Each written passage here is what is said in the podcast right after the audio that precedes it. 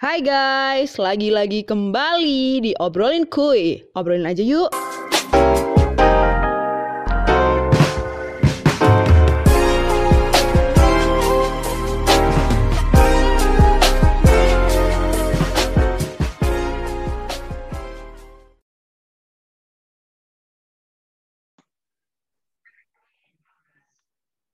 Oke, episode kali ini kita kedatangan tamu spesial banget karena uh, dia ini adalah salah satu teman dekat aku dari awal kuliah sampai sekarang kita lulus dan aku senang banget akhirnya episode kali ini kita kedatangan narasumber yang membagikan kisah mereka uh, secara langsung di obrolin koi. Kita langsung panggil aja. Adel, apa kabar?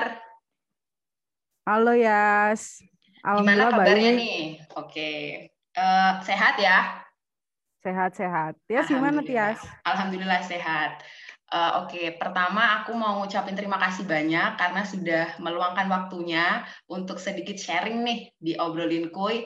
Uh, tema kali ini yang akan dibawakan oleh Adel adalah mimpi dan ujian. Apakah betul Mbak Adel? Iya. Oke. Okay. Betul banget. Oke, okay. pertama aku mau nanya nih sebenarnya karena aku penasaran. Kenapa waktu aku uh, share di story Instagram ya, tiba-tiba Mbak Adel ini mengajukan diri gitu ya, kayak kesannya, oke okay, aku pengen sharing nih terpanggil, cerita aku. Terpanggil, gitu. Oke, okay, terpanggil. Yeah. Selain itu alasannya kenapa nih kalau boleh tahu? Apa ya, ya? Aku merasa kayak walaupun aku masih di umur 22 tahun ya, tapi yeah. merasa bahwa kok aku udah ngelewatin banyak banget ujian yang menurut aku tuh mungkin belum banyak orang yang apa mungkin nggak nggak belum banyak orang yang punya ujian yang sama tapi mungkin ya ada juga yang lebih besar dari aku cuman ya pengen sharing aja. Oke karena kayaknya bagus ya untuk di sharing untuk orang lain gitu ya mbak Adel oke ya, uh, sebenarnya ya. sebenarnya menurut Adel sendiri mimpi itu sebenarnya apa sih? Dan kaitannya sama ujiannya apa gitu? Bisa dijelasin? Oke. Kalau mimpi sendiri itu menurut aku ya tujuan utamanya kan buat kehidupan kita kan. Kita hmm. punya plan A B C D E. Hmm. Kita maunya apa, ya itu yang kita raih, yang kita usahakan gitu kan. Nah, hmm. kalau ujian sendiri kaitannya mesti itu ada hubungannya sama impian kita. Kita kadang pengen suatu hal A gitu, tapi Allah mungkin belum mengizinkan gitu. Pasti kan hmm. ada tiga kan ya. Yes? Hmm tiga yang aku tahu Allah mengiyakan sekarang Allah mengiyakan ditunda waktunya atau hmm. Allah menggantikannya dengan yang lebih baik gitu kan jadi ya, Betul. ya itu prosesnya lewat ujian sih menurutku hmm. oke itu definisi mimpi menurut Mbak Adel ya hmm. selama perjalanan hidup Mbak Adel nih ya pasti setiap satu langkah ke langkah yang lain pasti Mbak Adel menyusun sebuah mimpi gitu ya nah menurut yeah. Mbak iya. Adel tuh uh, dari rangkaian hidup ini ada nggak sih mimpi yang belum tercapai atau ada nggak sih kisah dari mimpi itu yang menurut Mbak Adel tuh sulit banget untuk di uh, digapai gitu boleh diceritain ke para pendengar obrolan kui oh, Oke, okay. kalau ngomongin mimpi terbesar ya, sebenarnya tuh aku hmm. belum lama merubah mimpiku. Wih, baru apa? beberapa hari ini. Habis merenung ya, kan aku tuh sebenarnya orang yang sangat sistematis kan. Aku kalau punya mimpi tuh ditulis, urutannya tuh jangka waktunya tuh ditentukan kayak habis ini aku mau ini ini ini ini ini ini. Nah, mimpi aku tuh karena saking banyaknya ya, aku mikirin merenungin sampai mana ujungnya aku akan bermimpi gitu kan. Okay. Pada akhirnya tuh nanti kalau aku uh, ibaratnya udah tua gitu ya, aku mikirin kalau gimana sih enaknya belum sampai tua hidupnya nggak usah terlalu ngoyo. Gitu.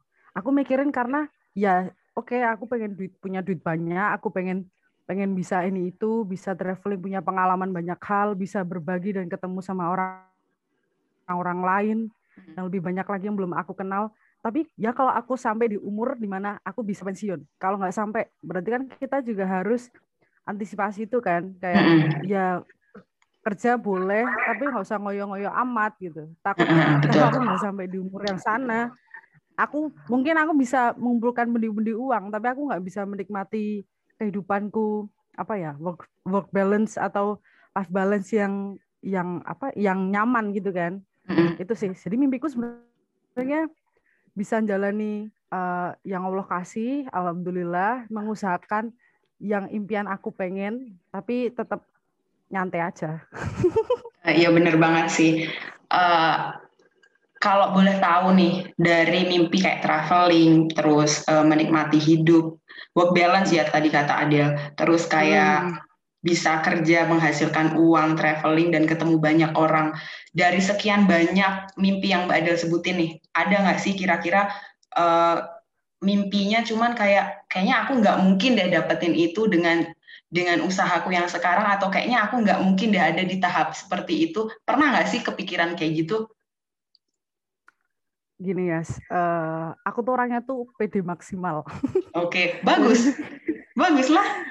Jadi kayak kalau kalau punya mimpi gitu, ada orang, contoh ibu aku, wis. Ibu aku tuh kadang-kadang tuh kayak udah lah mimpinya nggak usah ketinggian dulu. Nggak, mm -hmm. mesti aku selalu selalu dalam diriku tuh kayak aku tuh pasti bisa sampai sana gitu loh, suatu saat nanti. Ya itu, jadinya kalau ditanyain um, ada hal yang nggak mungkin ya aku nggak pernah menutup kemungkinan gitu karena aku okay. selalu optimis itu pede banget oke okay. uh, eh, oke okay. kalau dari kata-kata Adel tadi aku ngerangkum uh, jadi Adel ini punya semacam tingkat percaya diri dan optimisme yang tinggi ya Del. Nah, hmm. kalau mimpi itu kan nggak bisa cuma dari kita sendiri gitu. Jadi pendukungnya tuh pasti akan ada eksternal. Nah, kalau ternyata mimpi itu tidak bisa adil raih hanya karena faktor eksternal, misal kayak mungkin dari uh, sesuai apa yang Adil bilang tadi kayak ibunya bilang uh, mimpi jangan terlalu tinggi, pasti ada kan kayak uh, momen di mana Adil ngerasa bener juga ya, kayaknya aku nggak bisa mimpi setinggi itu deh. Pernah nggak ada di momen itu dan akhirnya merubah semua plan atau semua mimpi yang ada di titik yang mungkin Adil nggak bisa raih? Hmm kalau yang belum kesampaian, maksudnya selama itu belum sampai di waktu yang contoh nih, uh, pilih aku pengen ke kampus A, mm-hmm. tapi Allah nggak ngasih tuh, aku harus ke kampus B, contoh digantikan dengan kampus B, mm-hmm. ya ya yang kayak gitu ya, maksudnya kalau selama waktunya itu belum mepet, itu belum belum di waktu yang harus ditentukan, aku sih belum pernah ya kayak apa minder duluan apa ya overpaid dia aja tapi kalau udah terpaksa kayak uh -uh, tapi kalau udah terpaksa kayak udah waktunya emang harus itu bukan yang dikasih ya ya nggak apa-apa gitu. Oke, pernah nggak uh, apa ya kayak apa yang Adil bilang tadi kayak harusnya di kampus A tapi ternyata Allah kasih ke kampus B ada dong rasa hmm. kecewa hmm. ya harusnya aku oh, iya. di kampus A tapi kenapa aku di kampus B nah itu cara cara ngendaliin emosi kita atau perasaan kita itu hmm. kalau versi Adel tuh gimana? Hmm. Ah, ini belajar dari pengalaman ya guys ya. Iya. Kayak kan aku sebenarnya tuh milih di kampus yang ada di kotaku. Okay. Ternyata dikasihnya di kampus harus ngerantau ke Malang kan. Iya. Nah, itu sih yang bikin aku jadi belajar sekitar dua tahun mungkin ya. Kayak ya tiap pulang habis pulang dari rumah harus ngerantau terus saya pasti sedih ngapain sih harus aku kuliah di sini kenapa nggak kuliah di rumah aja gitu kan oke okay. ya itu emang waktunya mungkin lama ya waktunya lama tapi jalannya proses sampai yang ngerasa kayaknya aku nggak sampai di apa belum tentu sampai di posisi itu ternyata aku mampu melewati melewatinya banyaknya optimis sama ikhtiar aja lah pokoknya doa akhirnya ya lama-lama pasti akan nyaman kan ya yes? Jadi terbiasa. Oke, okay.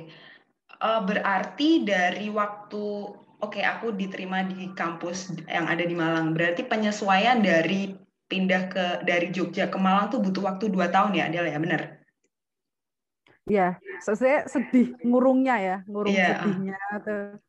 Apalagi tiap habis pulang dari rumah kan, terus karena tuh kayak apain sih harus balik ke sini gitu. Oke. Okay.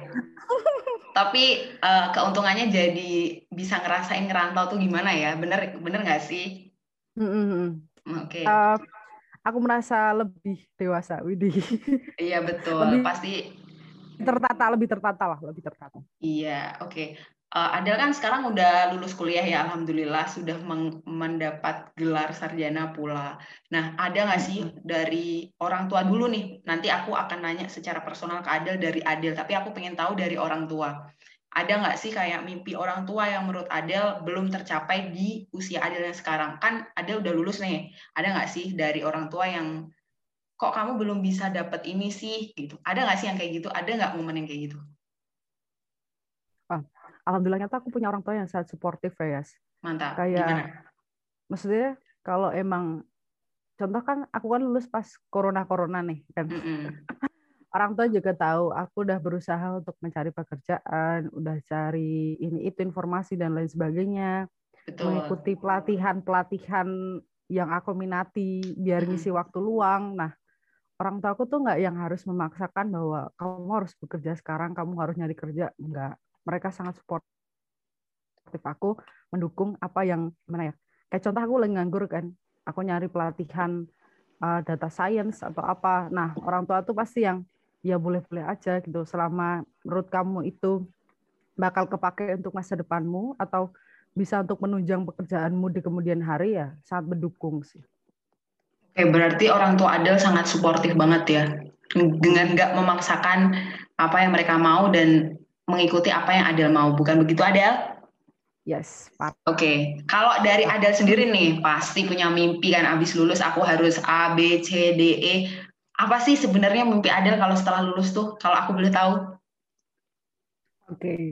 sebenarnya aku pengennya kerja, hmm. tapi Kayaknya um, itu bukan mimpi Adel, itu keinginan semua orang ya kayaknya ya. Oh gitu, ntar, ntar, ntar dulu ya, ntar dulu okay, ya. Oke, oke.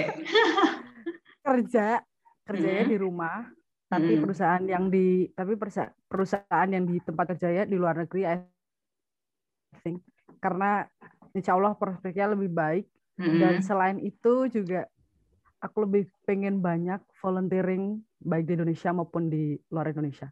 Wow mantap yang, volunteer. Yang apa ya ya maksudnya mumpung aku masih muda masih punya kesempatan mm -hmm. belum punya suami dan anak aku mm -hmm. pengen pergi dulu sejauh-jauhnya sebelum aku kembali pulang dan tidak pergi-pergi lagi.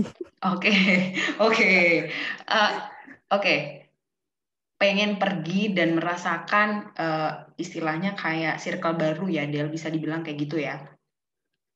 Yeah. Iya. Uh, dengan adanya corona nih, kan otomatis uh, daya gerak Adel terbatas kayak kita kita nggak bisa keluar kita nggak bisa melakukan aktivitas seperti sebelum ada corona itu kan ngaruh banget di mimpi Adel apa yang Adel ya, lakukan ya. agar si mimpi ini bisa tetap terwujud tapi uh, kita tetap stay safe gitu oke okay. nah ini ya kayak tadi udah aku bilang kan mumpung aku nganggur dan nggak bisa ke mana-mana ya ya hmm. bisa-bisa aja cuman ya belum dapat pekerjaan juga gitu.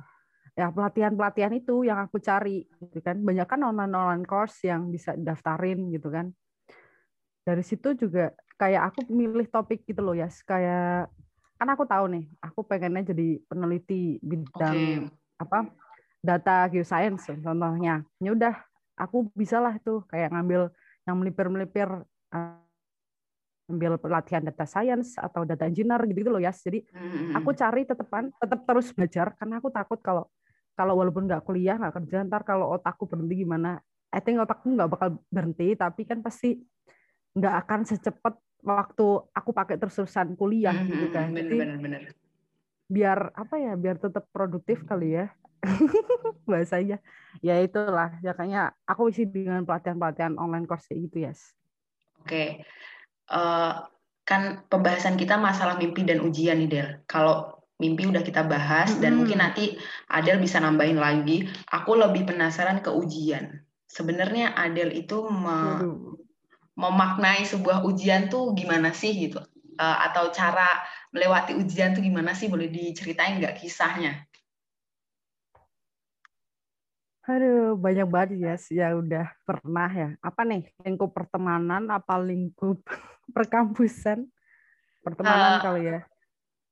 Terserah Adel. Yang menurut ya? Adel tuh sangat berbekas ya gitu, yang sulit banget dilupain karena mungkin oh, gitu. beratnya gitu. Oke. Okay. Uh, eh, temenan sih, Yes. Oke. Okay. Uh, itu kalau waktu SMA ya. Nah, uh, ada suatu ketika di mana uh, orang tua tuh nawarin motor tapi udah beberapa kali waktu gitu.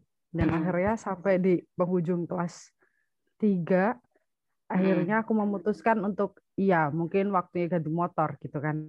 Hmm.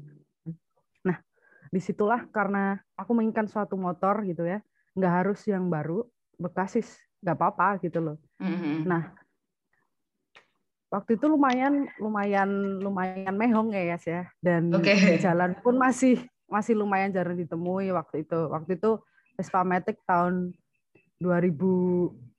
2016 itu di Jogja masih lumayan aku jarang ketemu gitu kan nah itu okay. yang bikin aku jadi ter, men, suka gitu nah waktu itu tuh orang tua masih ah, kita nyari yang yang harganya masuklah di kantong di budgetnya orang tua gitu kan mm -hmm. nah ada suatu ketika aku tuh menang juara badminton akhirnya okay. dapat uang gitulah terus aku pakai buat benerin motor RC Bravo itu motor jadul banget udah dari tahun 2002 kalau nggak salah keluarannya mm-hmm. nah aku benerin motor rumah itu yang udah buntut kan karena aku bosen sama motor aku yang aku pakai biasanya terus aku udah habis benerin motor itu pakai uang uang ya, ya uangku kan ya nggak apa-apa ya sih. Nah aku bangga banggain deh tuh motor itu karena karena ya aku benerin pakai uang aku kan. Terus aku pakai ke sekolah tuh teman-teman aku tuh banyak-banyak tuh jadi hilang dari aku. Kayak ya aku sapa nggak mau nyapa. Ada juga yang ngejek-ngejekin kayak hmm, motor dua tak eh, apa motor knalpot. Kan karena ngeluarin asap itu loh gitulah. Oh iya iya iya. Iya fogging lah inilah itulah dianggap bikin ini ya Del apa? yang kotor gitu ya? Enggak gitu ya tapi maksudnya kan uh, kayak di, dianggap jadi motornya jadi jelek gitu loh kayak hmm, okay. ya dianggap ya gitulah gitu enggak itu pun enggak cuma cewek gitu ya ngejek itu juga banyak yang cowok gitu dan okay. sehari dua hari itu okay. nangis aku aku nangis kemudian pulang sekolah tuh nangis gitu tapi dari situ tuh ada temen yang maaf gitu motornya juga motornya juga biasa-biasa aja gitu mm-hmm. gitu ya motornya juga motor-motor lama itu yang rangkul aku kayak ngajakin pulang bareng yuk bareng Del gitu. Terus itu jadi aku adaptasi sih. Ya di situ aku kayak ya hari pertama hari kedua ya kayak ngapain sih ke orang-orang ngajakin aku kayak gitu? Apa sih salahku pakai motor butut ya kan? Padahal tuh ya udah dari situ aku merasa kayak belajar kan ya jadi berani. Ada yang ngejekin aku dari ketiga keempat gitu aku jawab balik kayak motor fogging tuh nunggu kan. Ya wis tak jawab um, ben fogging malahan nih gini kan ngebully sing burine aku kayak gitu. Oke. Okay. pokok ya pokok pokok. Diberaniin buat dijawab aja sih karena sama ini aku kalau dibully orang tuh sukanya lebih suka diem. Karena aku ngerasa aku menghindari dari pertengkaran jadi aku mending diem. Tapi kalau lama-lama ngejekin ya mesti aku bakal ngumpulin tenaga buat ngebales kan mesti paling nggak jawab omongannya gitu loh biar biar nggak diulangin lagi kayak itu terus okay. minggunya seminggu setelah aku motor itu oke okay. alhamdulillah kesampaian nih motor yang aku pengenin kan kesampaian wow. terus mereka semua cari muka Waduh, secepat itu ya langsung berganti Aduh, wajah ya. Bener banget, bener banget. Terus kayak aku, oh kayak gini temenan gitu. Ya udah dari situ tuh, dari situ tuh aku udah muncul idealisme ya, kayak ya kalau kamu temen sama aku monggo, kalau nggak monggo, aku ya kayak gini gitu loh. Jadi aku untungnya tuh nemuin itu kan di SMA kelas 3 ya. Otomatis mm -hmm. tuh di tahun-tahun selanjutnya itu tuh aku udah lebih apa ya lebih pede dengan kehidupanku gitu loh okay. mau di mau di kayak dijatuhin sama orang kayak diajak-ajakin kayak kayak ada nih pas aku kuliah juga kan harus ke Malang kan mm-hmm. ngapain sih anak anak tunggal dibuang ke Malang. Kayak itu ada tetanggaku ya separah banget sih. Bilang dibuang Del. Iya bilang kayak gitu kayak okay. parah sih. Ya itu. Terus kayak aku yang karena aku udah dapat masalah yang serupa seperti sebelumnya jadi kayak udah bu tenang aja gitu. Udah diemin aja udah nggak perlu dijawab orang kayak gitu tuh kayak gitu kan. Oke okay, oke. Okay. seru kan Yes oke okay, uh, eh, udah ada ceritanya aku sekarang mau menanya udah sih cukup uh, sangat cukup oke okay, dari uh, yang masa kelas 3 itu yang kamu nggak hmm. di ditemenin ya istilah kayak teman kamu berkurang terus juga hmm. otomatis kayak hmm. kamu rasa sendiri ya pasti gitu. Nah, teman-teman kamu yang menjauh dari kamu nih sekarang lihat kamu kayak gini dia masih mau berteman atau malah menjauh? Um, gimana ya? Kayaknya udah nggak ada yang terlalu deket juga ya, karena kan aku juga okay, okay. rantau di Malang kan. Mm-hmm. Jadi nggak banyak komunikasi sama teman-teman di rumah sih. Oke. Terus teman kamu yang nemenin kamu pas kamu dijauh ini gimana kabarnya? Atau dia tetap menjalin hmm. komunikasi dengan baik atau gimana? Uh, sangat baik. Uh, beberapa orang sih kan ada yang masih sering ketemu nggak sengaja di jalan atau masih sering chattingan juga. Oh, Tapi nggak semua ya. karena hmm. karena itu berlima kalau nggak salah. Jadi nggak nggak semua masih deket sih. Tapi masih ada yang kotakan. Oke, dari pengalaman Adel SMA yang digituin ya, Adel hmm. ada trauma nggak sih waktu kuliah? Terus otomatis kan kalau waktu SMA teman kita ya udah itu itu aja dari daerah yang sama. Dengan mungkin wataknya kita masih bisa tahu ya. Nah kalau kuliah ini kan kita ketemu orang Jakarta orang Palembang orang Depok dan semuanya gitu. Adel ngerasa trauma nggak punya maksudnya memulai pertemanan di kuliah dengan pengalaman SMA kayak gitu? Hmm, enggak sih Yas. Karena sebenarnya aku tuh orangnya tuh yang kalau aku lebih suka ngajak ngomong tapi kalau ternyata dia responnya kurang mesti dia kok kayaknya nggak nyaman ya ngobrol sama aku mm-hmm. ya udah aku nggak ngajak ngobrol lagi tapi kalau dia sama-sama kita nyaman sama-sama nyambung ya mesti tetap berlanjut sih aku nggak tipe milih-milih cuman kalau ngerasa dia nggak nyaman sama aku ya aku yang berhenti gitu oh Adel yang uh, mundur duluan ya berarti ya Iya, karena kalau aku maksain aku ngajak ngobrol juga takutnya mah dia nggak nyaman kan. Jadi kalau udah kelihatan nggak nyaman ya ya udah. Oke, oke. Okay. perlu diperpanjang. Menarik, menarik. Oh. Uh, oke, okay. selama Adel kuliah nih, uh, Adel pasti punya temen ya, hmm. gitu, pasti punya temen. Hmm. Ada nggak sih yang menurut Adel nih temen ini tuh membawa toksik cukup buruk di kehidupan Adel. Terus langkah Adel tuh gimana gitu untuk Sedangkan setiap hari kita kuliah ketemu orang itu terus. Nah, gimana cara Adel biar aduh aku tuh nggak bisa temenan sama orang ini soalnya dia tuh toxic gitu. Ada nggak pernah nggak nemu momen kayak gitu? Alhamdulillah nggak nemu ya Yas ya. Mungkin okay. karena kalau kalau aku ngerasa dia nggak nyaman sama aku ya aku mundur mungkin dari situ jadinya nggak ada yang perlu dipaksain buat temenan kan. Jadi ya yang aku temenin tuh yang emang kita saling nyaman gitu loh. Oke. Iya. Oke. Uh, karena mungkin bisa dibilang berarti Adele bukan pilih-pilih ya, jatuhnya kayak lebih menjaga perasaan diri sendiri karena uh, mungkin nanti kalau temenan terlalu jauh sama si A yang si A ini toksik gitu, nanti takutnya bakal ngaruh sama kehidupan pribadi gitu ya Del ya. Mm, mungkin. Okay. Mungkin. Terus uh, pernah nggak sih kayak karena kan dengan yang cerita Adel tadi pernah nggak sih ngerasa kesepian karena kok aku nggak punya temen ya gitu pernah nggak ada di momen sangat, itu sangat sangat uh, apalagi pas ini ya habis lulus kuliah ya kan oke okay, oke okay. teman-temanku kan di Malang ya kalau nggak hmm. di Malang pun banyak yang perantauan kan jauh dari hmm. Malang hmm. sangat yang orang Jogja sendiri yang ibaratnya seangkatan ya hmm. sejurusan itu dikit dan cuman tiga aja tuh yang dua cowok gitu loh ya jadi gak punya teman kan mm-hmm. terus karena aku kuliahnya di Malang otomatis hubungan sama teman-teman SMA kan jadi lebih jarang ketemu dan lain sebagainya kan makanya pas aku pulang ke rumah gitu teman-teman aku tuh masih karena emang kampusnya lebih duluan kayak ibaratnya liburnya atau liburnya atau jana yang duluan di Malang ya daripada Jogja. Hmm. Jadi waktu aku pulang ke rumah lulusan tuh teman aku masih ada skripsi karena kebetulan ada yang ngambil pendidikan guru jadi harus uh, tertunda karena corona dan lain sebagainya. Oke. Okay. aku ngerasa kayak aku udah anak tunggal gitu kan, gak punya temen pula temenku nggak banyak karena emang temenku nggak banyak sih ya. Jadi rasa sendiri tapi kalau mau keluar keluar nih keluar janjian sama orang yang nggak terlalu dekat apalagi ke tempat-tempat yang rame sebenarnya aku nggak nyaman gitu loh jadi ya udah ngerasa sendiri aja di rumah kayak gitu Apalagi Adel anak tunggal ya. Oh, Iya, mm. lagi anak tunggal kan.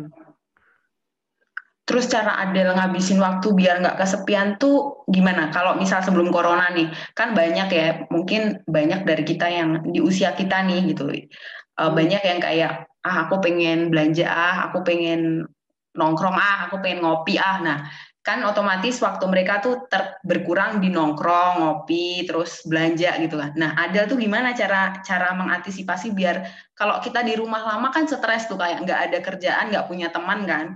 Nah, ada cara ngatasinya tuh gimana? Hmm, Oke, okay.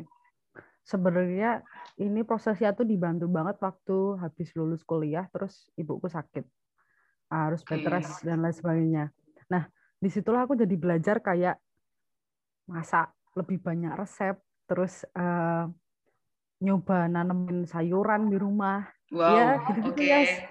Terus yang aku belum pernah apa ya, nggak lan belum pernah kayak melukis tiba-tiba aku jadi pelukis dadakan. Wow, oke. Okay. Pokoknya mempersibuk diri aja lah. Oke, okay. malah lebih produktif ya Del berarti ya. Lumayan sih, Yas. Tanpa harus keluar rumah.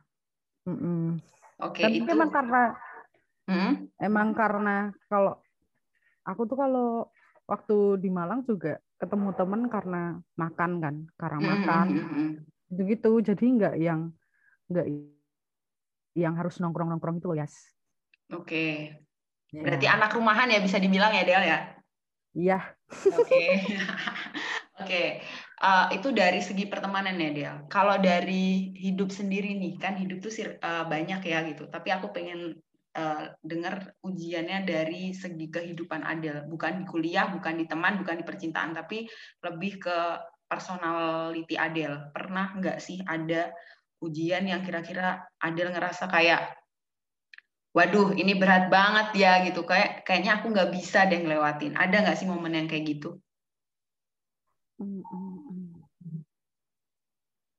Kalau yang seberat itu mungkin belum pernah sih ya. Cuman kalau yang waktu-waktu habis lulus kuliah ya, mm. yang orang-orang bilang quarter apa krisis life. Gitu. Oke, oke. yang ibaratnya teman-teman ada yang udah bekerja habis lulus dan mm -hmm. belum, ya yang gitu-gitu. Tapi nggak yang sampai kayaknya aku nggak bisa sampai nih nggak sih. Cuman sesaat aja waktu kosong. Kadang-kadang kadang-kadang kalau nggak lagi sendiri kalau nggak lagi apa ya overthinking ya biasa aja gitu. Ya jalan hidup dari hidup aja. Cuman kalau kadang ada kan waktunya kita lagi pikiran banget hmm. lagi stres banget. Nah itu itulah. Kadang-kadang muncul tuh kayak apa ya teman-temanku udah kerja aku belum gitu gitu itu ujian ya Dela ya sebenarnya bukan itu kalau dibilang ujian berat juga enggak. Cuman ya pas lagi datangnya aja, pas momennya di mana kita belum dikasih sama Allah ya. Oke. Okay. Uh, eh, dari kata-kata Adel menarik nih, ada pertanyaan yang pengen aku tanyain gitu ya. Menurut hmm. Adel, uh, kan udah lulus nih, menghadapi fase life crisis, bener apa yang Adel bilang tadi, itu kalau menurut Adel bisa dikategorikan sebagai ujian nggak sih? Atau Adel menanggapi life crisis itu kayak apa sih? Sebenarnya tuh ujian-ujian. Hmm. Semua eh bentar, bentar, bentar. Aku pernah dengerin hmm. kalau kita kita maaf kita lagi di bawah, kita hmm. lagi di atas, tuh hmm. semuanya bisa jadi ujian loh ya. Kalau oh, kita nggak bisa mengendalikannya dengan baik kan. Jadi hmm. ya itu tetap ujian tapi yang nggak terlalu gimana ya. Kalau sebenarnya itu nggak usah dipikirin overthinking overthinking amat itu sebenarnya nggak masalah gitu loh ya kan okay. kadang kadang kita tuh sekarang ya aku ngerasanya aku tuh uh, terutama waktu corona corona kemarin kok aku tuh orang itu kebanyakan mikir gitu mm, mau okay. mau nyoba ini tuh takut mau nyoba itu takut banyakkan takutnya gitu sebenarnya tuh kita udah ibaratnya kan aku kan orangnya suka research kan ya mau suatu hal tuh aku jadi tahu dulu gitu kan okay. nah karena nyari tahu itulah baik keuntungan maupun kerugiannya kadang-kadang tuh yang bikin aku jadi takut gitu. Ya apa enggak ya? Dicoba apa enggak ya? Padahal sebenarnya itu kita cuma perlu action aja kan. Kita udah research kita udah tahu resikonya di mana gimana caranya terhindar dari resiko itu kan. Sebenarnya itu. Itu sih kalau ujian ya emang ujian tapi sebenarnya kalau kita berani sih kayaknya bisa deh. Oke, oke. Uh, tadi ada juga sempat singgung overthinking ya gitu. Masing-masing hmm. orang aku yakin uh, punya cara mereka masing-masing gitu. Kayak mungkin kalau kalau aku nih kalau overthinking tuh mungkin keluar sepedaan atau mungkin uh, dengerin musik, nonton drama. Nah, kalau Adel sendiri nih, hmm. overthinkingnya tuh lebih ke kayak kita, uh, merefresh otak atau diem aja di kamar terus kayak mikir mikir gitu ya atau uh, keluar rumah terus kayak pergi ke suatu tempat me time lah istilahnya itu Adel gimana sih nang, uh, nanggepin momen yang overthinking itu?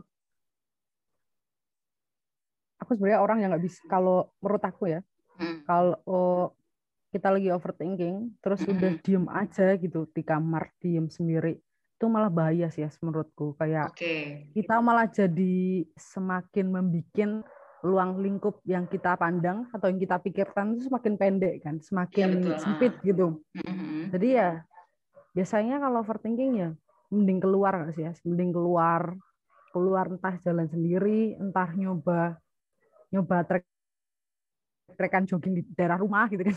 Oke, okay, atau jogging. Uh, ngontak temen kayak uh, yuk nyoba mana gitu. Tapi biasanya tetap nggak jauh dari rumah sih. Aku lebih suka kayak nyoba trek jogging gitu-gitu atau jalan-jalan bareng sama temen gitu. Nggak perlu temen banyak, cuma mungkin sama ngobrol sama satu temen aja udah itu udah bikin kita jadi lupa sama masalah yang kita bawa awal tadi loh ya. Kadang-kadang aku gitu ya. Berangkat keadaan stres ntar ketemu temen tuh kayak ngechat semangat gitu loh kayak yang yang awalnya kita pikir kita sulit jadi kebuka lagi kayak oh iya ternyata ada jalan lain gitu setelah ngobrol okay. sama teman tuh jadi nambah semangat oke okay.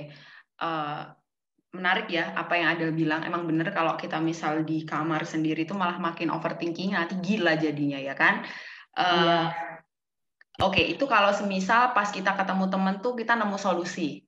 Pernah nggak uh, kayak kita udah ketemu orang nih, ketemu teman, kita jalan, makan, ngobrol gitu kan. Terus uh, apa ya? Solusi itu kita nggak temuin.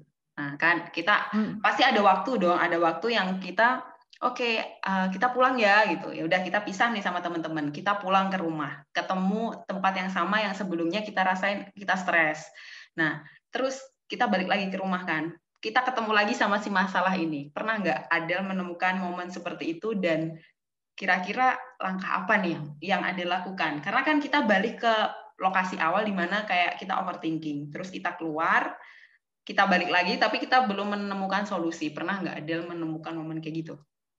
Um, jadi gini ya, okay, sebenarnya seru, seru, ketemu bentar, bentar, bentar. Sebenarnya aku ketemu sama teman tuh belum tentu untuk mencurhatkan yang aku rasain sebenarnya. Iya benar. Kayak kita cuma mengalihkan pikiran kita kan? Iya, iya. Uh, okay, aku tuh okay. tipikal orang yang tipikal orang yang kalau cerita ke orang tuh bener bener yang harus deket. Kadang-kadang pun yang deket tuh belum belum tentu tahu perasaanku gitu loh. Oke, okay, oke, okay, oke. Okay. Jadi aku tuh sebenarnya tuh ketemu temen tuh cuma refresh otak aja sih, As biar apa ya ibaratnya lagi buntu tuh ngobrol sama teman tuh jadi otak nih aliran darahnya ngalir lagi gitu lah. Oke oke okay, nah, mantap. Kalau buat solusi-solusi ya, um, aku nggak tahu sih ini aneh apa enggak. Cuman kadang-kadang kalau mandi pagi itu mm-hmm.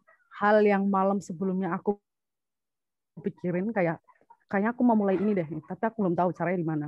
Waktu mandi itu aku mikirin dan alhamdulillah dapat solusi. Entah itu wangsit dari mana tapi nggak tahu pas mandi mesti pas mandi kayak oke okay, oke. Okay. nggak nggak tahu ya saya itu aneh apa enggak tapi aku mesti kayak gitu tiap pagi. Aneh sih tapi tapi nggak nggak ini sih nggak salah juga sih karena kan setiap orang punya caranya ya punya cara untuk nemuin solusi di uh, di masalah hidupnya ya itu nggak aneh sebenarnya Del itu adalah salah satu yeah. cara kamu kan buat buat berpikir lebih jernih yeah. kan. Oke. Okay. Yeah. Iya. Uh, kan kamu tadi udah sebutin ya mimpimu kayak apa, hmm. ujianmu kayak apa. Hmm. Uh, langkah paling awal deh, langkah paling awal yang kamu lakuin se uh, setelah kamu mendapatkan ujian tuh apa sih? Atau uh, mungkin kamu ngomong ke orang tua atau kamu mendiamkan dirimu sendiri atau kamu uh, curhat sama Allah atau kamu ngapain sih gitu kan masing-masing orang beda tuh kalau versinya Adel gimana curhat sama Allah sih yes. itu itu yang pasti bikin tenang sih karena pasti kalau cerita sama orang tua apalagi ke ibu ya deket ke ibu mm-hmm. mesti juga ibu bilangnya dah sholat dulu. Kayak waktu skripsi aku ngerasa sulit gitu kan. Ya udah mm-hmm. ibu cuman bilang dah sholat dulu. Ya udah. Habis itu waktu skrip kayak contoh waktu skripsi nih habis sholat ya beneran langsung kayak tiba-tiba tuh yang aplikasi atau software yang nggak bisa aku klik contohnya ada fitur yang nggak bisa aku klik tiba-tiba bisa keklik. Aku nggak tahu sih itu. Itu wallahu alam juga ya. Okay, bener-bener okay. itu udah ngerasain sih aku ya yang kayak gitu-gitu kayak wah ternyata emang beneran Allah itu ada beneran Allah itu menjaga aku beneran Allah itu membantu aku. Itu ada momen-momen kayak gitu aku udah sering nemuin. Oke berarti uh -uh. ke Allah dulu ya? Uh -uh, Allah dulu. Oke, kalau lebih spesifik nih Del, boleh tahu nggak sih? Ya kan, aku juga sebenarnya kepo gitu ujian selama Adel kuliah tuh yang paling berat tuh deskripsi bener nggak sih? Atau ada ujian yang lain yang lebih berat sebenarnya gitu ya? Boleh diceritain nggak? Hmm, proses deskripsi. Karena menurut aku ya, okay, okay. deskripsi itu kita yang awalnya belum tahu watak teman selama empat tahun jadi tahu. Kita Waduh, yang... setuju nih, sepakat nih, sepakat. Yuk, yuk. Iya kan? Iya kan? Iya, yeah, betul. Habis itu juga juga apa kesusahannya dipikir sendiri kan ya kayak ya emang itu dah skripsi skripsimu kayak nggak ada orang yang bisa bantuin lagi kamu kayak kalau kuliah gitu kan kita tahu ya gitu kan mm -hmm. topiknya sama yang diambil materinya iya, sama mm -hmm. kita nggak paham bisa tanya temen nah kalau skripsi kan belum tentu teman-teman kita tahu apa yang kita olah datanya apa yang kita kerjain kan jadi ya mm -hmm. itu yang bikin aku jadi banyak belajar ya ya yang contoh pakai software-software baru yang tutorialnya di YouTube tutorialnya di Google nggak ada Oke. Okay. Harus harus nyoba software baru atau apa yang dikerjain sampai berminggu-minggu, sampai nangis, tidur, marah, nangis lagi, sholat, akhirnya baru bisa. Oke. Okay. Itulah perjalanan sampai berminggu-minggu yang menurut aku jadi apa ya ngerasa ya itu ya sih bikin aku jadi yakin kalau nggak ada yang nggak mungkin Wih, karena skripsi okay. yang dipikirin kayak berat pasti juga sejujurnya bisa karena ngomong ya sih ya kebetulan topik aku tuh yang di Indonesia tuh masih dikit okay. dikit banget sih hmm. jadi emang aku udah nyari yang disarankan sama aku kan ikut di BMKG Jogja kan mm-hmm. nah yang disarankan emang topiknya tuh masih ada yang dipakai sama di luar negeri sama yang di Indonesia baru dipakai di wilayah Bantul nah itulah yang make adalah dosen pembimbing aku gitu loh jadi aku nyari itu yang lainnya kampus lain belum ada. Jadi itu yang bikin tutorialnya jadi susah kan ya. Aku nggak tahu nggak ada tutorial ya harus semua dicoba sendiri. Kalau mau nanya dosen tuh sungkan lah masa dikit-dikit tanya masa dikit-dikit tanya masa aku nggak ada effort ya ya kan? Oh benar benar benar.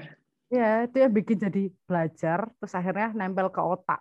Malah malah jadi nempel kan ya kalau kita sering apa kita nyoba sendiri salah taunya kalau salah tahu sendiri gitu kan. Mm -hmm. Jadi kan malah lebih keinget kan. Bener banget, bener. Sepakat sih aku. Mm -hmm. Oke, okay, uh, eh, jadi kita, uh, kalau kalian belum tahu ya, aku sama Adel ini ngambil program studi teknik geofisika. Jadi kita ada apa ya istilahnya kayak peminatan. Mm, uh, kita tuh ada sebuah acara yang mengharuskan kita harus naik gunung, betul kan, Adel?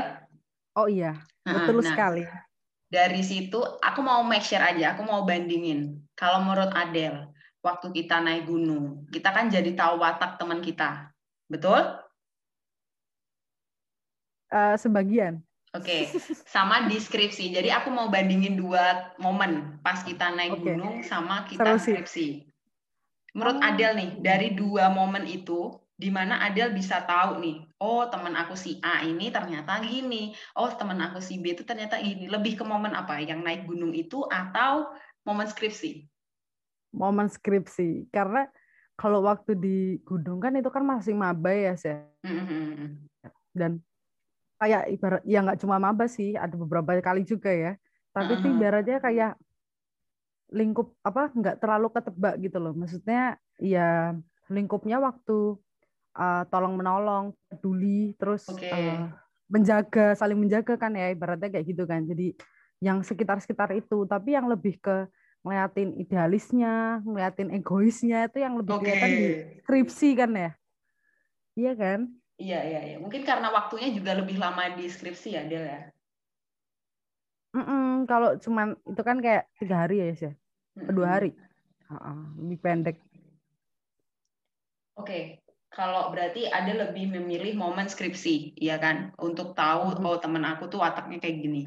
Setelah skripsi nih, uh, ada nggak sih momen yang Adil merasa ngapain sih aku harus temenan sama si A? Ternyata si A nggak bantuin aku pas skripsi. Ada nggak momen kayak gitu, Del? Alhamdulillah nggak ada ya, sih. Oke, bagus bagus. Terus uh,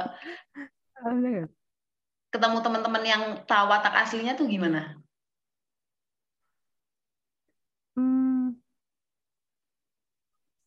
aku lebih memilih untuk hmm, oke okay, kayaknya kayaknya kita nggak bisa barengan jadi oh ya gitu oke okay. maksudnya gimana ya kalau aku mau maksain juga aku yang nggak nyaman mm -hmm. ya kan jadi kalau emang udah ngerasa nggak cocok gitu. Atau ada sifat-sifatnya yang menurutku aku tuh bukan pendendam ya cuman daripada kan aku kan bisa jadi amarah gitu kan. Jadi daripada hmm, iya, iya aku kesel sama orangnya terus akhirnya aku bisa jadi emosi mending mending yang emang nggak nyambung ya ya udah. Aku lebih gitu sih ya tapi nggak dendam ya. Maksudnya kalau dia ngontak aku ya aku bales. Kalau aku lagi ada perlu juga aku bakal kontak dia. Cuman nggak nggak akan seintens itu loh ya. Maksudnya ya udah biasa aja gitu. Temenan temenan tapi nggak perlu terlalu dalam lagi gitu. Oke. Uh, banyak banget ya cerita yang sudah ada ceritakan mulai dari mimpinya apa, ujiannya kayak apa, terus juga bahkan tadi ada sedikit menyinggung tentang tentang life crisis, overthinking, terus cara produktif seperti apa gitu. Ada nggak sih Del tips ini buat para pendengar obrolin kue saat mereka pengen bermimpi setinggi mungkin dan saat mereka uh, mengalami ujian? Ada nggak sih tips dari Adel buat pendengar obrolin kue? Hmm, kalau kalau yang aku jalani ya, mm-hmm. kalau aku pengen ke mana nih, pengen ke mana tulis, pengen apa ditulis. Pokoknya intinya semua hal yang diinginkan tuh menurut aku sangat worth it untuk ditulis. Okay. Kalau ditulis tuh paling enggak aku tuh kadang-kadang kalau udah tercapai aku centang atau aku coret gitu. Jadi ya tahu nih mana yang alhamdulillah aku kesampaian gitu. Okay. Atau alhamdulillah ada yang belum sampai tapi digantikan sama yang lebih baik gitu. Nah, dari kita nulis kita tuh jadi bisa tahu gitu, rentang waktu yang bisa kita capai. Mm-hmm. Kayak contoh, aku pengen liburan ke sana gitu. Tapi mm-hmm. biar ke sana aku harus punya uh, modal kan ibaratnya modal ya. Mm-hmm. Ya nggak usah maksain kalau emang seandainya uangnya belum sampai di tenggat itu, gitu. maksudnya ada sih uangnya, tapi aku mending saving my money buat biar bisa apa ya buat modal lah untuk yang hal yang lain ibaratnya kayak gitu kan nah yaudah dikip dulu nggak apa-apa tapi maksudnya uh, apa ya impian itu tetap berjalan progresnya tuh tetap kelihatan itu sih yang terus juga jangan lupa untuk sholat sumpah deh ini itu benar-benar aduh percaya nggak percaya milih kampus yang jadi yang dapat yang lebih baik itu juga dibantu sama tahajud Aduh, karena aku pernah denger ya, itu dikasih tahu sama orang. Sholatlah tahajud 40 hari tanpa putus. Allah tuh bakal bakal apa mendengar doa, doa kamu gitu. Mm-hmm. Itu sih benar-benar sih kekuatan tangan Allah ibaratnya kalau yang bukan beragama Islam ya kekuatan Tuhannya gitu ya. Benar-benar bakal dibantu sih. Sama yang paling penting tuh ini, aku pernah dengerin. Ini kayaknya kalian harus dengerin juga. Nah, aku dengar dari Ustadz Yusuf Mansur. Beliau okay. pernah bilang, kalau punya mimpi, udah tanemin aja, nggak usah dipikirin asalnya dari mana, cara dapetin duitnya dari mana. Oke. Okay. Sama aja kita ngecilin Allah. Kalau kita punya, kita pengen rumah A, ya udah rumah A titik, nggak perlu nanti uangnya dari mana ya nanti hmm. caranya gimana ya itu sama aja kita ngecilin Allah kita harus percaya kalau Allah itu ada dan bakal bantuin setiap usaha dan doa kita hmm, itu sih okay. paling penting tuh Oke, aku izin merangkum tiga ya, Del. Berarti ada tiga cara nih menurut Adel tipsnya, guys. Jadi kalian harus contoh nih, bisa kalian gunain pas kalian lagi ada sebuah mimpi yang lagi kalian pengenin dan ada ujian pasti di tengahnya. Yang pertama adalah kita catat mimpinya apa, ke mana kita pengen pergi. Yang kedua kita sholat, karena sebaik-baiknya pertolongan adalah pertolongan dari Allah Subhanahu Wa Taala. Dan yang ketiga adalah kita tanam. Betul, Adel kayak gitu? Iya, betul sekali. Oke, uh, mungkin ada lagi Del atau tri, tips and trick ya mungkin mungkin tambahan dari Adel buat para pendengar. Apa tuh tips and trick buat apa tuh? Buat melewati ujian nih kan kan udah banyak nih ujiannya yang okay. ada lewatin. Ada nggak tipsnya? Nangis nggak apa-apa nangis tapi nggak usah lama-lama. Oke. Okay. Karena kalau dipendem bakal sakit ya kan. Jadi mm -hmm. nangis nangis aja. Mm -hmm jangan sampai emosional kalian bakal menggerogoti amarah. Apa sih?